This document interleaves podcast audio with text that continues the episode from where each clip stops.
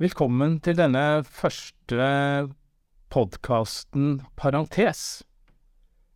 Mitt navn er Cato Zahl Pedersen. Jeg er eh, leder for paralympisk utvikling i Olympiatoppen. Og så er jeg nyutnevnt programleder for denne podkastserien Parentes.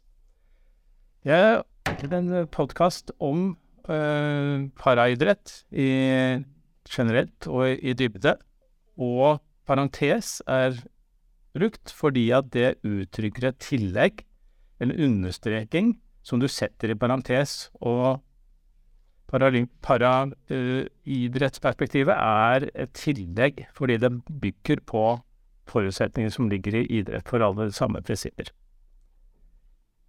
Når vi også snakker om parautøvere her, så snakker vi om syns- og bevegelseshemmede, som er tilnærming fra oss i Olympiatoppen uh, innenfor den paralympiske idretten. Jeg er ikke alene her. Jeg har med meg et uh, godt knippe med fagfolk, uh, hvor vi skal se på en tematisering overordna tilnærming til parautøvere og paraidrett. Og med meg har jeg uh, Lene Puntervold på motorikk og ferdighetsutvikling, Eirik Hole på kraft og styrke, Pam Lockert, idrettspsykologi eller prestasjonspsykologi, Eh, Thomas Losnegård på utholdenhet, og Emilie Moberg på ernæring. Prestasjonsernæring, kanskje. Ja. Som skal diskutere, eller snakke omkring dette sammen. Vi håper på en god samtale.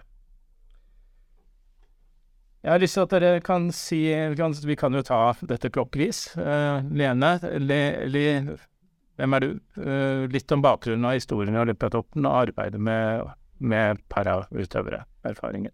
Ja, eh, jeg har vært her eh, siden 2008, tror jeg. Og så har jeg jobba med paralympiske utøvere, spesielt kanskje de siste syv årene. Syv-åtte årene. Og jeg jobber som, jeg, som sagt på motorikk og ferdighetsutvikling, så da prøver vi å bidra til eh, optimalisere bevegelse og motorisk forståelse. Så jeg har fått lov til å jobbe med litt forskjellige utøvere, fra sittende til stående utøvere. Det har vært eh, veldig læringsrikt og utvikling for meg sjøl og som fagperson, da, gjennom å ha fått eh, eksperimentert og bomma litt og funnet ut av litt ting som funker. Og, så veldig stor utvikling eh, sammen med utøvere. Vel, Takk. Eirik? Eh, Eirik Hole. Jeg er fra Vestlandet. Jeg er eh, bakgrunn fra alpint, som utøver sjøl på sånn minus pluss nasjonalt nivå, og eh, som eh, trener både for eh, Norges Skiforbund og amerikanske skiforbundet. Eh, jeg er på Olympiatoppen nå i tre år fast, og så hadde jeg en periode tidligere der jeg var på Olympiatoppen. Og i mellomtida som alpintrener og trener på videregående skigymnas og toppidrett. Uh, her så har jeg uh, jobba i stor grad med para-alpint-laget. Uh, noe parasykling og en del andre individuelle utøvere. Da har jeg ganske stor, stor spredning på type utøvere. Sittende, stående uh, og forskjellige utfordringer som er veldig eh, morsomme og spennende å jobbe med. Mm. Mitt navn er Fam Lockert. Eh, jeg er fra Bærum, har bakgrunn i sprangridning. Eh, jeg startet eh, å jobbe i Olympiatoppen i 2019. Eh, da var stillingen min 50% øremerket para. Eh, og startet egentlig med ikke så mye utgangspunkt. Jeg hadde ikke jobbet så mye med, med parautøvere fra før av. Jobbet med én. Jeg syntes det var veldig spennende, og fikk da kall det innblikk i hvordan paraverden fungerte på Olympiatoppen, som var superspennende. Um, ja. Uh, har eh, har vært mye ute og reist med de ulike typer idrettene. Vært eh, var med i Tokyo i fjor. Eh, fikk masse erfaring der. Og skulle vært med i Beijing, men da var jeg høygravid akkurat kommet tilbake fra, fra permisjon. Så det er deilig å være tilbake. Takk skal du ha. Thomas Låsne her. Jeg er da fagansvarlig i utholdenhet på Olympiatoppen. jobber primært med langrenn. Har også bakgrunn sjøl som langrennsutøver, som trener, og som ledsager i to Paralympics for en som er blind. Så det er den praktiske tilnærmingen til det. I tillegg så er jeg professor på idrettshøyskolen i skidrett, så der underviser jeg også i langrenn, treningslære. Der vi også møter studenter da med ulike nedsatte funksjonsemninger som, som vi må da eh, tilvareta, og på en måte ha litt sånn erfaring med hvordan vi tilrettelegger for, for bl.a. de, da. Thomas? Ja, eh, Emilie Moberg. Eh, nylig ansatt på ernæringsavdelingen på Lippetoppen Og i høst. Eh, fått ansvaret for ernæringsoppføring for parautøvere. Eh, nettopp lagt opp egen karriere, eh, og er mitt siste år da som student på klinisk ernæring. Eh, skriver masteroppgave på et prosjekt på NIH eh, som heter Bone Wheel, hvor vi da skal forske på hvordan eh, ernæring og styrketrening kan påvirke helsen for rullestolbrukere. Og vi inkluderer både parutøvere og ikke-utøvere. Eh, så det er ikke gjort så mye forskning på rullestolbrukere, så det er veldig spennende å se hva vi får ut av det. Så jeg har 20 her da, fram til jeg er ferdig med masteroppgaven, og så er det 100 Ja. Mm. Bra så er det meg i den rollen. Jeg sitter jo her faktisk som en eh, Jeg er jo den parautøveren, da, som eh, kan til og med være med å bidra. Jeg er programleder, men det kan hende jeg kommer inn på noe også fra, fra, fra mitt ståsted. Jeg er til og med utdannelse på idrettshøyskolen, så jeg, i denne rollen så, så bryr jeg meg også at vi skal få frem det beste, i hvert fall fra, fra, fra faget. Og det, for det, det dere allerede er inne på. Det er lærerikt, det er spennende, det er interessant, dere har en viss erfaring. Uh, første møte Altså, det kan jo være trenere. Vi, vi snakker jo til og for trenere, og kanskje andre, så lærere om så skulle være. Det første møte jeg, jeg, jeg, Det er en kjensgjerning generelt på våren at det er ikke en motvilje, men det kan være litt sånn usikkerhet. En, en, en, utøver kommer inn i et miljø. Uh,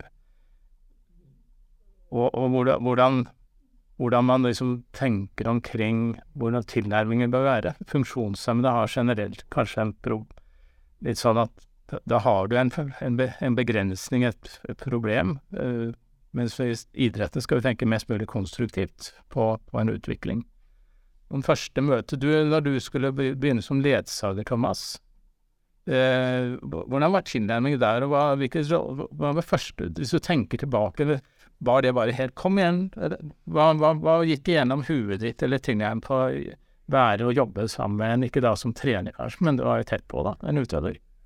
Jeg føler det var veldig eh, bratt læringskurve første perioden, for du veit ikke helt hva du møter. Eh, men det å på en måte eh, bruke litt tid i starten, tror jeg er litt sånn viktig. At man på en måte er med, man blir kjent. At man kanskje ikke forhaster seg helt i starten på å skulle gjøre de store endringene, men se hvordan ting fungerer. Og så er jo på en måte et av de sentrale prinsippene i treningslære, det er jo litt sånn på individualisering. Eh, sånn at man må jo tilrettelegge til en viss grad. Eh, samtidig så er det jo interessant å høre med utøverne hva de opplever som muligheter og begrensninger.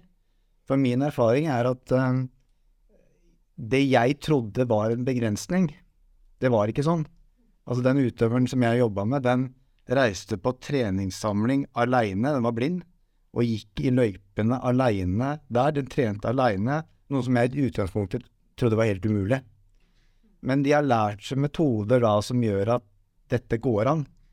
Uh, og treffer man på liksom, de typer utøverne som er såpass utviklingsorientert, da, så er det en vanvittig spennende måte å lære på sjøl. Så vil jeg, jeg vil si at jeg har lært vanvittig mye av den prosessen. da. Det å på en måte se hva ligger i faktisk Hva kan de faktisk gjøre? Eh, som jeg opplevde i starten var veldig sånn aha for meg, da. Som jeg ikke hadde liksom tenkt at det var, det var mulig. Ja. For det var jo ikke noe var, Du var jo ikke, hadde jo ikke en bevisst innstilling, det bare var en tanke at dette var overraskende, eller altså dette var, var vedkommende kunne forutsetningene vedkommende hadde. Og det er kanskje ikke likt mellom blinde heller, for det er jo For det har noe med kanskje personlighet og, og hue å gjøre, også det. Med ved en som tør å gå aleine, eller en som ikke gjør det, eksempelvis. Individuell Er det noen andre eksempler? Hva tenker dere? Jeg tenker jo, jeg tenker jo at jeg er veldig enig med Thomas. Det er jo eh, når en utøver kommer inn til oss, så starter vi alltid med, med blanke ark og vet egentlig ikke helt hva vi, vi møter. Og sånn er det jo med olympiske utøvere også. Vi har ikke noe eh, Dømmer ikke de på forhånd, har ikke noe idé nødvendigvis om hvem de er, eller eh, Så det er alltid veldig sånn spennende å bli kjent med de, bli kjent med bakgrunnen deres, hva er historien deres inn i, i paraidretten. For den kan ofte være veldig forskjellig fra utøver til utøver. Og sånn er det jo med olympiske utøvere også. Eh, og og eh, så litt av, litt av vår jobb i idrettspsykologi er jo eh, det å, å forstå hvor er de hen nå? Hvor er det de vil hen? Eh, hva er det de ser på som muligheter, begrensninger? Eh, hva er målet deres? Eh, og også den forståelsen av OK, jeg vil dit. Hva er da konsekvensene av at jeg vil dit? Eh, hva må jeg tilrettelegge for, eller hva er det jeg må jobbe med for å, for å ta de stegene inn i eh, enten utdannelsesreisen, eller til å bli en full- fullblods toppidrettsutøver, eller for å bli de små prosentene bedre eh, for å ta de medaljene, eller Ja, for det, det, Fra et idrettspsykologisk perspektiv så er jo det akkurat det samme perspektivet utøveren har, og at treneren har. Altså det, det med å sette må, målbildet og veien dit, og, og jobbe sammen for å, for å skape det. Ja. Og det er det som er fokuset. Ja, ja. Og så blir det litt sånn ikke, ikke gjør for mye, eller ikke problematisere, men bare start. Du har vel også hatt noen førstegangsopplevelser Eller du har jo stadig Eller dere har, vi har jo stadig nye utøvere. Vi bare tar en liten sånn runde fra rutinene deres. Nei, jeg eh, deler jo synet. Eh, det jeg tenker, er jo at eh, om man enten er helt ny i møte med f.eks. den sittende utøver, da, eller man har jobbet med flere sittende utøvere før, så er det jo alltid det å forstå ok, hva er den motoriske basen, eller hva har du kompetanse fra før av. For jeg tror det er lett å undervurdere det litt. Og så kan det òg være litt motsatt vei, at du, du kan jo møte en utøver som er nyskada, som kanskje har hatt en stor eh, masse erfaring på idrett før, men har en liksom ny kropp. Eller du kan møte utøvere som har kjøpt på sitt ski fra de var tre år, og har masse erfaring. Og så kan du møte utøvere som eh, eh, kanskje har hatt liksom begrensa opplevelse med bevegelse og idrett fra før av, fra barndommen av. Eh, så det er bare å forstå ok, hva òg er historien litt her, hva er det du sitter med av kompetanse. Og så må vi bare møte individet. Ja. Mm. Og det, sant, eh, det å møte individet, det går jo på det samme om en er parautøver eller ikke parautøver. Eh, vi møter forskjellige varianter i alle typer idretter, i alle typer gode og dårligere funksjoner på de fleste fag, innenfor de fleste fagområder. Så vi jobber jo med å utvikle funksjon hos alle, eh, og, derfor, og dermed prestasjoner. Så det er jo kanskje en eh, Det som er viktig for meg, er en sånn eh, forventningsavklaring og en uh, gjensidig forståelse av hva er det på en måte vi er ute etter å få til der. Og da er det kanskje det å få seg et sånn overordna bilde på hvem den der personen er, utøver.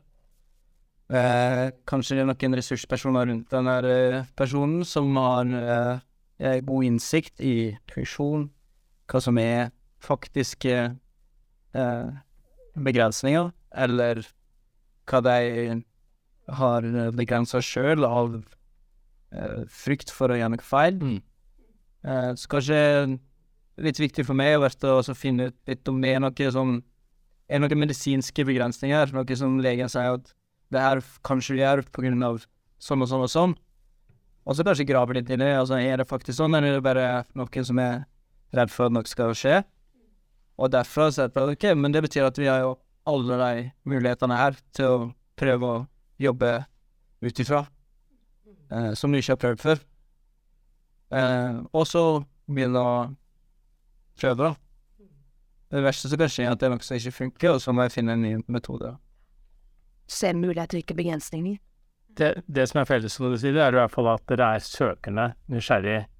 Eh, altså man er, man er ikke redd for å Du har med deg gjerningen om at du gjerne vil være med og prestere, men du er u avklarer eventuelt usikkerheter gjennom å å gå veien sammen. Og så ja, i det så ligger det på at For det er ingen som veit alt eh, fra før av. Så det, det, det å stille dumme spørsmål at det kan gi aha-opplevelser. Altså gi muligheter. Det gir som regel rom for mestring eller eh, ja, gode opplevelser eller en endring. Det er godt å høre på programlederen nå, at det går an å stille dumme spørsmål. Jeg tenkte på, Du er, du er, du er ny, nyansatt her og har kanskje ikke så lang erfaring akkurat med para, men det, det jobber jo med det som det, I hvert fall er, som prestasjonsforutsetning så er det man spiser, og det skal få gå gjennom kroppen. og det er, noe skjult, det er noe skjult her innenfor på medisinske. Det kan være noe med noen prosesser som ja, det er jo det, ikke sant. Og ja, som dere har snakket om, sånn med å stille spørsmål sånn eh, i det første møtet, da. Så jeg husker jeg sånn i starten at jeg var litt sånn redd for å stille for mye spørsmål òg, på en måte. Eh, men det har jeg egentlig opplevd at det er helt fint å stille spørsmål. Det er ikke noe dumme spørsmål. Og selvfølgelig avklare litt og på en måte sitte én til én og snakke om spesielt sånne ernæringsutfordringer, da. Eh, og det er jo sånn med noen diagnoser at det er litt ekstra ting, da, sånn klinisk. Eh, mage-tarm, for eksempel. Uh, men ja, stille spørsmål og være nysgjerrig, det er i hvert fall jeg har erfart at det er uh, nyttig. Og de tar det godt imot, de aller fleste, mm. når du spør, da.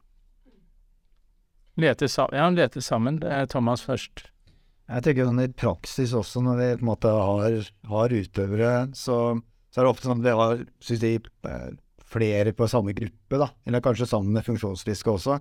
Og hvordan man tenker på en måte gjennomføringen av treninga der, sånn at man kall det, sørge for at man velger ut type trening eller øvelser som alle fint kan være med på. Mm. Det bruker litt tid i forkant da av øktene til å designe gode programmer. Så er min erfaring at det fungerer veldig bra hvis man kall det tilrettelegger for alle.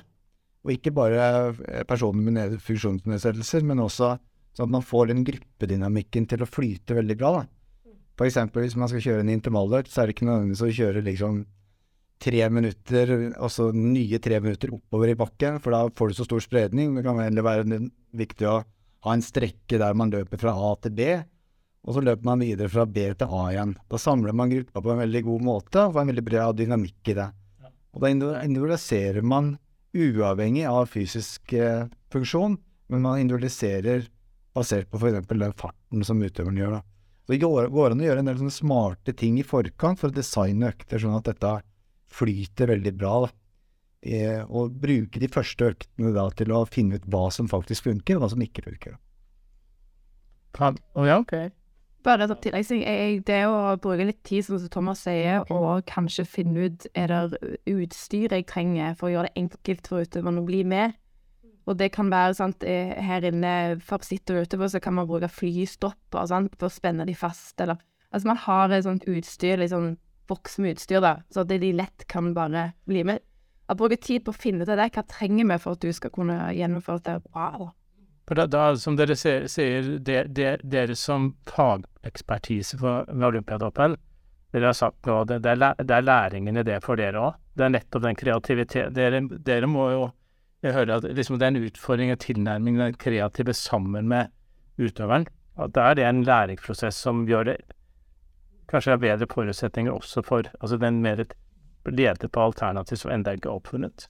Ja, det, jeg tror det er mye hjemmesnekring òg. Det er jo det på huset her òg. Vi finner ut at vi trenger å lage ting som ikke allerede fins, for å gjøre det forenkle det. Men jeg tror det er masse hjemmesnekring ut omkring òg, for at man skal finne ut ja, hvordan gjøre det enklest mulig for utøvere. Den var fam av du, ja. Du ville gjerne si noe i sted, men Ja, nei, det var bare forlengelse av at Emilie snakket, og det er jo vi, vi, jobber jo for å se muligheter, ikke, ikke begrensninger. Og så er det, men så er det også viktig at, at når vi jobber med parautøvere, så er det jo eh, På Olympiatoppen så har vi jo typisk eh, Vi har alt fra amputert, dysmeli, cerebral parese, eh, utøvere med ryggmargsbrokk eh, og, eh, og det kan jo også komme eh, enkelte utfordringer med det. Eh, ikke sant? Du har eh, eksempel med eh, ryggmargsbrokk og cerebral parese, så vet vi at, eh, at det kan oppstå fatigue, altså ukomfortabel mental og fysisk trøtthet. Eh, så det å, å eh, se helheten eh, på eh, hvordan utøverens hverdag fungerer, og også hvor de er hen i sesong, og noen av utøverne som vi jobber med, har jo også full skole eller jobb, familie. Og det at, at vi som fagpersoner kjenner til, kall det helheten, og også eh, kommuniserer mellom, eh, mellom, hverandre, tror jeg er helt avgjørende for at vi kan tilrettelegge best mulig, og finne de mulighetene som gjør at utøveren presterer best mulig, da. Og jeg tenker også at i forlengelse av fatigue, så er det jo eh, kjempeviktig at eh, f.eks. Emilie og meg prater eh, eh, godt sammen, da, med tanke på, på, restitusjon og hva som skal til for at utøverne eh, får restituert best mulig, da. Det, det minner meg Da sitter vi her med våre utøvere og med våre ressurser. Hverdagen der eh, eventuelt i en klubb, så er det jo Da har man foreldre Altså hvis det er en yngre utøver, foreldre, fysioterapeut med ofte en situasjon Hvis det først er litt mer komplekst, så er man en fysioterapeut helt en fastlege, om det er forholdet man får avsjekke eller kalibrere opp mot det helhetsperspektivet. Ja, man er jo helt avhengig av ja. snakke med flere, flere et nettverk rundt utøveren. Ja, helt klart. Det vi brøy. Vi går tilbake vi, til Eirik. Ja, det var i, i, i sammenheng med utstyr og, og metoder for å løse forskjellige uh, utfordringer, da. Så jeg, da, da, er det ofte liksom utøveren egentlig som sitter på det beste svaret. Mm. Uh, så lenge han får muligheten til å, til å, til å være med og gjøre en øvelse eller ting, så som du ikke nødvendigvis har et klart for deg hvordan du skal gjøre, så bare, um, kan det, kanskje jeg bare prøver, da, sier utøveren. Så det er altså løser det på et eller annet vis. Og så ja, jeg datt ut av stolen, så da blir jeg spennende fast. Ja. Eller uh, andre, andre ting som de egentlig finner ut ganske lett sjøl, da. Så det blir sånn ah, OK, ja, det går jo veldig bra. Ja. Hvorfor tenkte ikke jeg på det? Ja.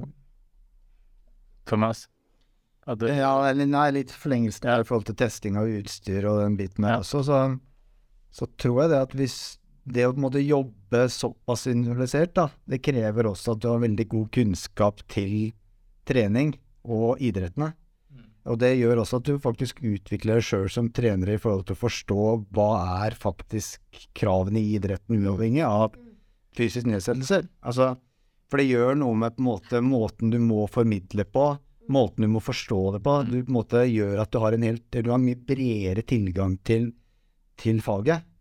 Og det syns jeg kanskje har vært noe av det mest spennende eh, å, å, jobbe med. Nettopp den derre bredden som du må ha da, for å på en måte kunne levere, eh, levere godt. Eh, og for trenere så mener jeg at man bør se på dette som en gyllen mulighet til å utvikle sin egen kompetanse, fordi at man kan bruke den kunnskapen også på andre fagfelt. Eh, det, det, tror jeg er litt sånn Det ligger der litt sånn implisitt da, i forhold til måten som man må tilnærme på. Jeg er veldig enig med deg i det, uh, også med det eksempelet fra Jeg uh, fikk en ny trener i, uh, alpint uh, på comeback i 1994. Og han Han var jo helt ny med det og sa at dette er interessant, jeg kan jo ingenting Så jeg, jeg har jo ikke noen erfaring med dette. Så, så kjørte jeg Få se på det, da. Så kjørte jeg kjørte noen gang, og så ble jeg liksom Hva, tenk, hva, hva syns du, eller hva tenker du? Og sa nei, jeg vet da søren, men hva tenker du, Cato? Eller hva, kan du formidle litt hva du opplever når du kjører uten staver? Hvor har du balansen, hva er det du registrerer, og Jeg kan jo se, jeg kan komme med en kommentar, men jeg hører Så den, liksom den dialogen at han ble veldig bevisst og sa nettopp det, og det berika han i at du skal ikke ta ting for gitt, for du må, du må Hvor er utøverens forståelse av hva du driver med? Mm. Hvis jeg er interessert nok, jeg starta hockey jeg spilte hockey før ulykken. Etter ulykken så ville jeg fortsette å spille hockey, og før jeg ante det, så hadde jeg bare funnet på bare høl i kølla, så kunne jeg stikke den ene klypa inn, og så hadde jeg fortsatt forutsetning for å spille hockey, selv om radiusen var begrensa. Det var kreativiteten fra min side, og så ble det treneren som fader, det var en bra løsning. Og så trilla vi videre på hvordan kan jeg utnytte den teknikken Hvor er min beste plassering, plassering på banen, osv. Det er jo den Det er ikke noe hokus pokus her, men det er en åpenhet. Det er et Vi er inne på funksjonsvariasjon. Altså den at du, du Eirik, ja, flere dere nevnte jo det at vi møter utøveren på samme måte. Altså det er en utøver med å leite på det. Men at den, er litt større, kanskje en bredere variasjon innenfor når du tar med funksjonshemming, for da får du en del nye aspekter. Um, og som du understreker at var Det er jo en berikelse, altså det er en kompetansebygging hos trener generelt. Så det er nesten noe sånn at kom igjen, dere bør Dette er, dette er et påbyggingskurs. og, og et privilegiet å få lov å jobbe med para, parautøvere som som et case. Har dere noen erfaring med eventuelt å involvere andre rundt utøveren når vi på en måte vi jobber med her, eller sånn Altså i, det som er hverdagen til utøveren rundt noe av det du snakker om. Vi må ta helhetsperspektivet er, er jo viktig her, da. Med hvordan eventuelt andre aktører med Har dere hatt noen dialog med involvering sammen med ja, fysioterapeuten til utøveren. Eller ja, den lokale treneren. Dere jobber på landslag. Er veldig, altså, i veldig særlig grad. Ja. Så, sånn spesielt i alpint, og så er det jo en hovedtrener for alpint uh, som er opptatt av det som skjer i bakken i stor grad, og så har jeg en egen, uh, egen trener som uh, har vært veldig mye mer på, på barmarksbiten. Og det har jo vært en kjempeviktig ressurs for uh, meg personlig, da. Og for utøverne at hun er med, som ser helheten i treningsarbeidet deres. Og har litt uh, større kompetanse på hva som er utfordringa sett i sammenheng med hva som er utfordringa på ski. for å da kunne i større grad kanskje treffe på den treninga vi er på når vi er på barmarkstreninga. Uh, ja. Og, og, så er det òg uh, de som lager utstyret. Hva heter det nå? Ja, ja, sant, men de Altså utstyrsprodusentene? Tenker på spesielt med De spesialistene som lager Ortopediingeniører? Ja, ortopediingeniører, det. Så jeg nevnte jeg, ja. så liksom det å få inn det perspektivet òg, at uh, her, her, er det nok eh, behov for å få noe ekstra utstyr som kan gjøre at uh, bevegelser kan bli gjort bedre, at uh, beskyttelse kan være bedre i alpint. Og det, da involverer da det norske samfunnet sin helse, helseavdeling med ortopediingeniører, så de kan bruke da, for å få bedre utstyr til å utøve videre. Det det har vært veldig viktig for en del utøvere.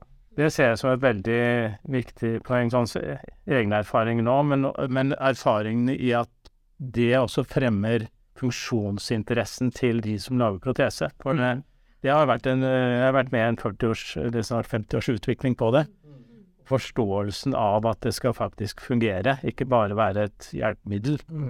Så, så, og det, det, der er jo toppidrettene kanskje kloke på. At vi de som jobber med en utvikling med best mulig funksjon, så er det også med på å, å flytte, flytte fokuset til å være med å utvikle også de aktørene som i neste runde er bra for at alle skal de best mulige forutsetninger for fysisk aktivitet. Men det, det, å være til stede på, på treninger, da, for eksempel, være med på samlinger, være med på konkurranser, er jo veldig nyttig informasjon for, eh, for oss som eh, er fagfolk, for du får ofte et, et eh, Eh, et større perspektiv, eh, kanskje også et mer nyansert perspektiv på hva som faktisk foregår i idretten.